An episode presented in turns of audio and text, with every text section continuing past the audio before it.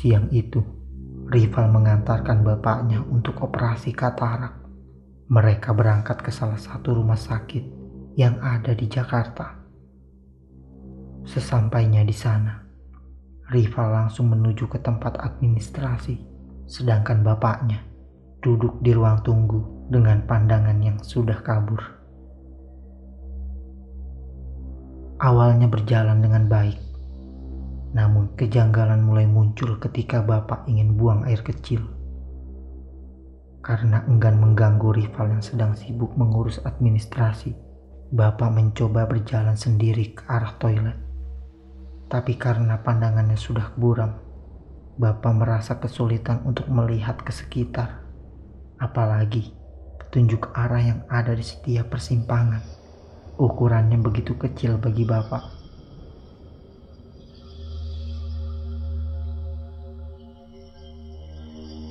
Bapak akhirnya memaksakan diri untuk terus berjalan sambil meraba-raba apa yang ada di depannya. Sesampainya di persimpangan, Petunjuk arah masih terlihat samar-samar. Tulisannya seperti sama saja. Dalam ingatan Bapak, lorong itu terlihat sangat sepi. Tak ada orang yang berlalu lalang. Bapak menoleh ke kanan dan kiri, berharap ada orang yang bisa ia tanyakan. Namun tak kunjung ada yang datang.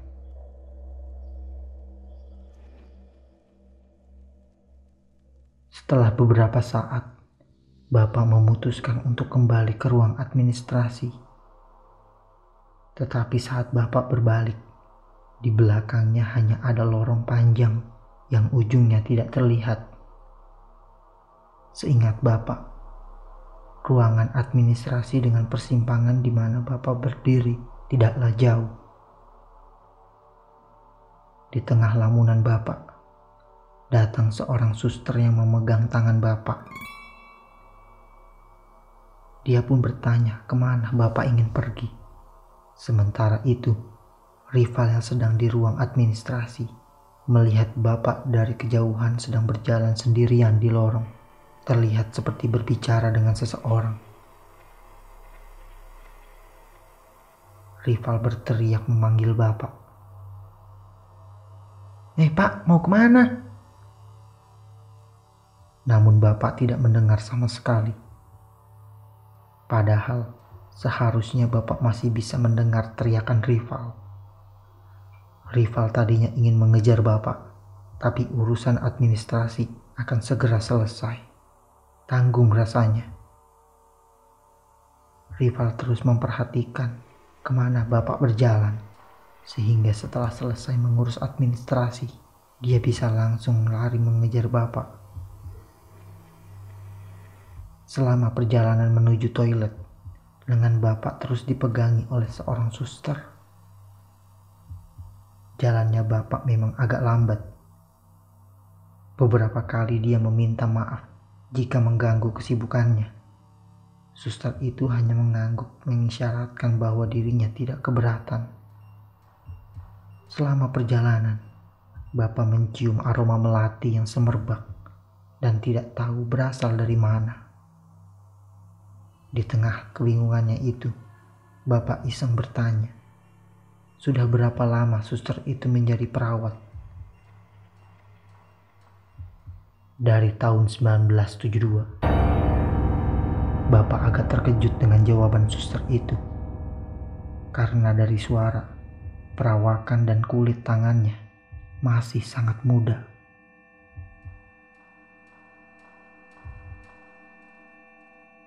Bapak mencoba tidak menghiraukan pikiran-pikiran negatifnya.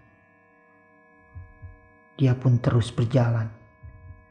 Dan setelahnya, tak ada percakapan lagi. Dan lagi-lagi, lorong itu masih terlihat sangat sepi. Bahkan tak ada orang yang berlalu lalang. Beberapa saat, sampailah Bapak di depan pintu berwarna putih Suster itu menyampaikan bahwa sudah sampai di toilet dan dia hendak pergi lagi. Bapak berkali-kali mengucapkan terima kasih kepada suster itu, Tapi sialnya, suster itu tak merespon dengan baik. Di sisi lain, rival yang sudah menyelesaikan administrasi langsung beranjak menuju lorong di mana bapaknya berjalan.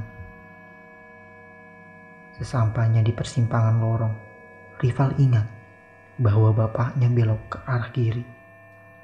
Namun yang membuat rival terkejut adalah ketika melihat petunjuk arah ke arah kiri adalah ruang jenazah.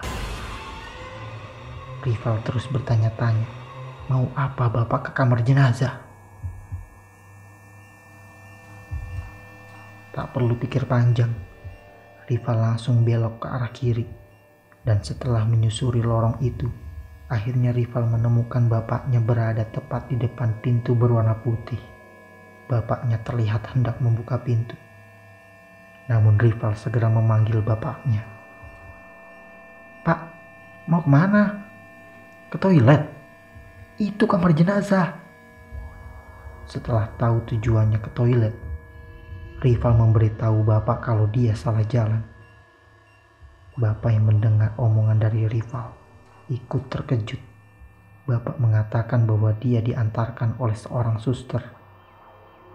Rival memberitahu bapaknya kalau sedari tadi dia berjalan sendirian. Tak ada siapa pun Bahkan ketika dipanggil, bapaknya tidak mendengar. Rival penasaran. Dia meminta bapaknya untuk menceritakan apa yang sebenarnya terjadi.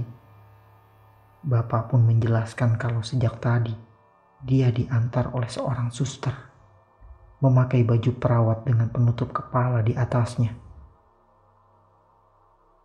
Rival mencari tahu bentuk seragam yang Bapak lihat Diketahui bahwa itu adalah seragam perawat tahun 70-an, seragam yang sudah tidak dipakai hingga saat ini. Itu artinya yang mengantarkan Bapak bukanlah perawat sungguhan.